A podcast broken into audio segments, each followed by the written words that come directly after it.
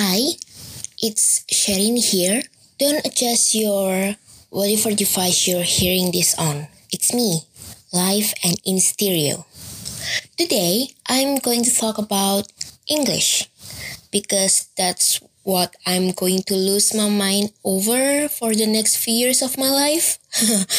Just kidding. In a word, I'm going to talk about English because I'm an English student and this is what we do.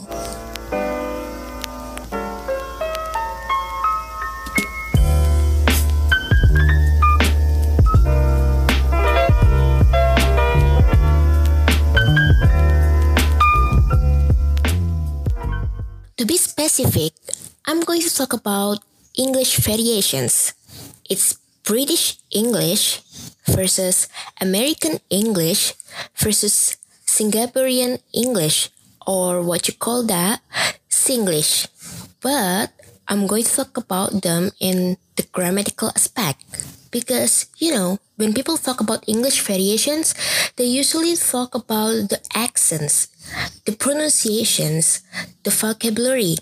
I barely see anyone talking about the sentence structure and the grammar. Here I am talking about the grammar aspects of those three variations of English. So, the first difference we have spelling ED words. There are actually a lot of arguments over this on the internet. Some American people would go like, can you spell under a British post and then the British would also go comment under an American post saying like, no, that's not the right spelling and stuff. Little did they know that there are varieties of English. Duh. I mean, maybe if they weren't so ethnocentric. uh, just kidding. Never mind. So, as for the spelling ed words, usually known as the past participles, the British uses t as the suffix. For example, in American they have learned, but in British they have learned. Other examples are spelt and spelt, burnt and burnt, spoiled and spoiled. Exception for the word smell, it's not going to be smelt in British English, it's still smelt, just like what Americans say. And the second difference is the past participle of get. So in British, the past participle of get is got. For example, he's got taller over the summer, while in American, people say gotten. For example, he's gotten taller over the summer. However, I think you should know that there is an expression to say about possession commonly used both in American and British English that is have got. So even in America, it is incorrect for you to express position by saying have gotten. For instance, it's have you got any money in British, right? And in America, they also say have you got any money, not have you gotten any money. It's incorrect. And the third difference, which is quite funny, I think, it's the writing date rule, the dates. Well, I mean, uh, no offense to the Americans, but this is possibly the weirdest thing I don't understand from them. Like, they're just so different. I mean, unlike the British and the rest of the world, Americans use the format of month slash day instead of day slash month. It's confusing sometimes, you know. Also, unlike the British, they do not use the article Z before the date. For example, in British, they say thing like my birthday is the 7th of September. But in American, they say my birthday is September 7th. And the last difference I'm going to tell you is that they are different in telling recent past events. So American tends to use past simple with adverbs of already, just, or yet, whereas British uses present perfect. For example, in America, they say, Oh, I just saw that movie. While in British, they say, Oh, I've just seen the movie. Well, those four I mentioned are the most common differences I can think of between British English and American English.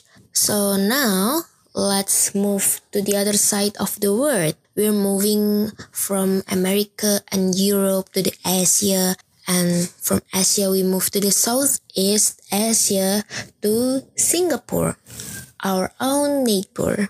So thousands years ago, Singapore was once colonized by the British.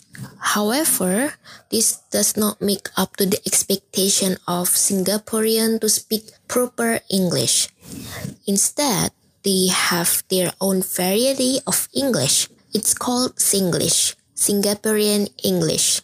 This English is informal and colloquial the intonation, the accent, and the sentence structure are heavily influenced by Chinese dialects spoken in Singapore, such as Hokkien and Cantonese. Well, not to forget that Malay and Indian languages also take a part in shaping Singlish, since Singapore is such a diverse country. So there are a lot of differences between Singlish and the British and American English since well, the standard English grammar rarely applies to Singlish. Here I'm going to mention few of them. So the first is no subject verb agreement. In Singlish, they completely ignore that aspect. For example, instead of saying she studies so hard all the time. Singaporean people would say, she studies so hard. And instead of he goes to school, they would say, he go to school. And things like that. As for the second one is that their sentence structure is translated directly from Chinese.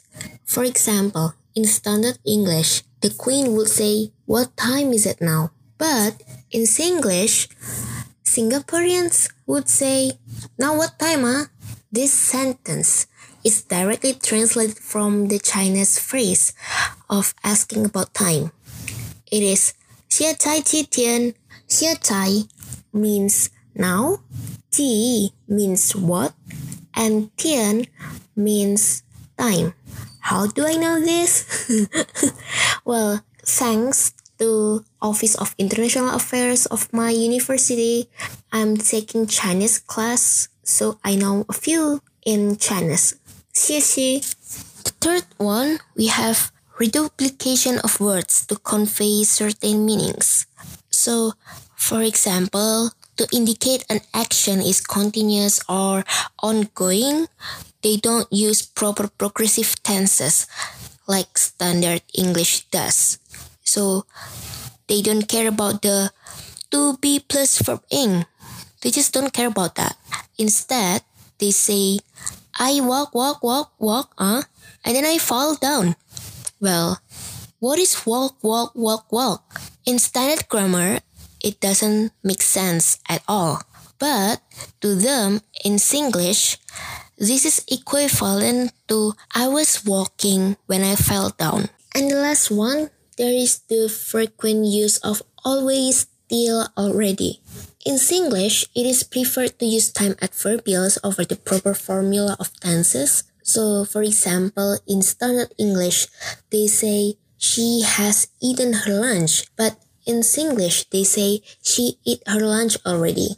They just ignore all the 16 tenses we have learned from the first grade until now.